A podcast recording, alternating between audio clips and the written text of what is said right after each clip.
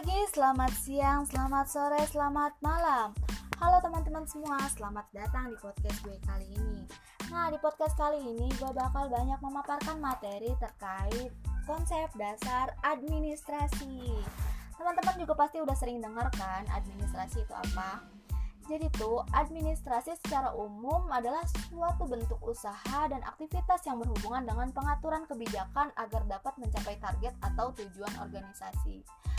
Adapun pendapat para ahli salah satunya yaitu menurut Edward Baird 1953 ia mengemukakan bahwa administrasi adalah usaha yang luas mencakup segala bidang untuk memimpin, mengusahakan, mengatur kegiatan kerjasama manusia yang ditujukan pada tujuan-tujuan dan maksud tertentu.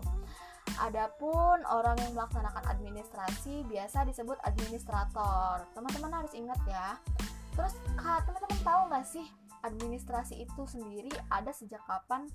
Jadi nih ya, administrasi itu sudah dikenal sejak zaman peradaban manusia.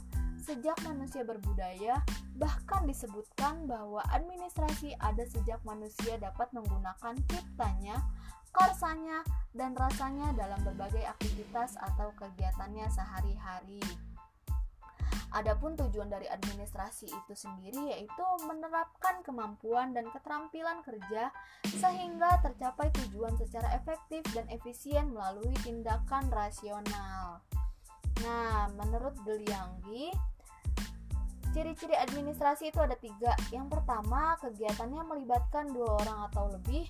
Yang kedua, kegiatannya dilakukan secara bersama-sama. Adapun yang ketiga, tujuan adanya tujuan tertentu yang hendak dicapai.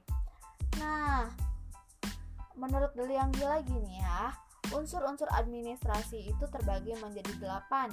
Yang pertama organisasi, yaitu merupakan sebagai tempat berkumpulnya sekelompok orang untuk bekerja sama dengan memanfaatkan sumber daya yang ada. Jadi organisasi di sini itu merupakan sebagai wadah ya Nah, yang kedua itu ada manajemen. Manajemen ini berfungsi untuk mengatur atau memanage sesuatu yang dilakukan oleh sekelompok orang tadi. Nah, yang ketiga ada komunikasi. Ya ini aktivitas penyampaian informasi, baik itu pesan, ide, dan gagasan dari satu pihak ke pihak lainnya. Yang keempat ada kepegawaian. Ya ini sebagai proses yang berhubungan dengan pengaturan kepegawaian seperti penempatan, penerimaan, pengangkatan, bimbingan, sampai pemberhentian. Nah, yang kelima ada keuangan atau finansial. Ini berhubungan pembiayaan dalam sebuah hubungan kerjasama seperti cara mendapatkan biaya, pengelolaan biaya, dan pengaturan sumber-sumber biaya yang didapat. Adapun yang keenam itu pembekalan atau material yang berhubungan dengan perlengkapan dan peralatan yang dibutuhkan. Nah, tujuh ketatausahaan. Ketatausahaan di sini yang dimaksud adalah pelayanan atas penyelenggaraan usaha atau kegiatan, ketan, penyimpanan, pengiriman, dan lain sebagainya. Ada relasi publik atau hubungan masyarakat yang terakhir nih ya teman-teman ini sebagai melaksanakan, membangun interaksi hubungan dan kerjasama dengan masyarakat Adapun cabang-cabang administrasi. Nah, cabang administrasi ini dalam ruang lingkup yang besar terbagi menjadi dua, yaitu administrasi publik dan administrasi niaga.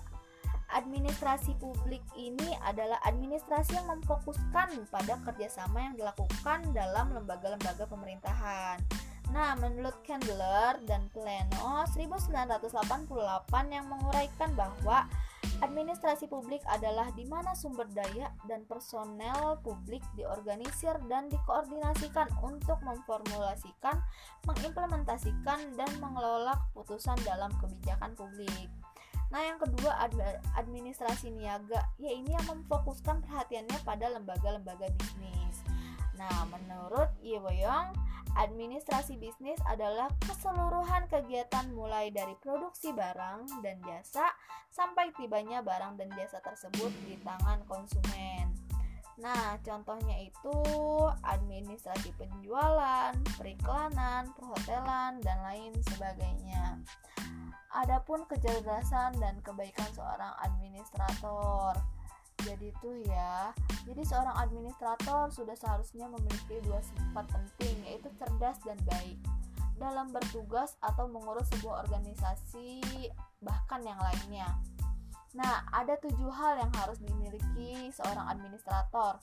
Yang pertama, seorang administrator itu harus profesional. Yang kedua, harus detail, harus bisa kerja sama tim, terus memiliki kemampuan menyesuaikan masalah dengan baik, multitasking, dan kemampuan mengorganisir. Yang terakhir ada kemampuan bernegosiasi. Nah, segitu dulu ya teman-teman. Uh, mungkin di pertemuan atau di podcast selanjutnya gue bakal banyak memaparkan materi terkait administrasi lebih jelas dan lengkap.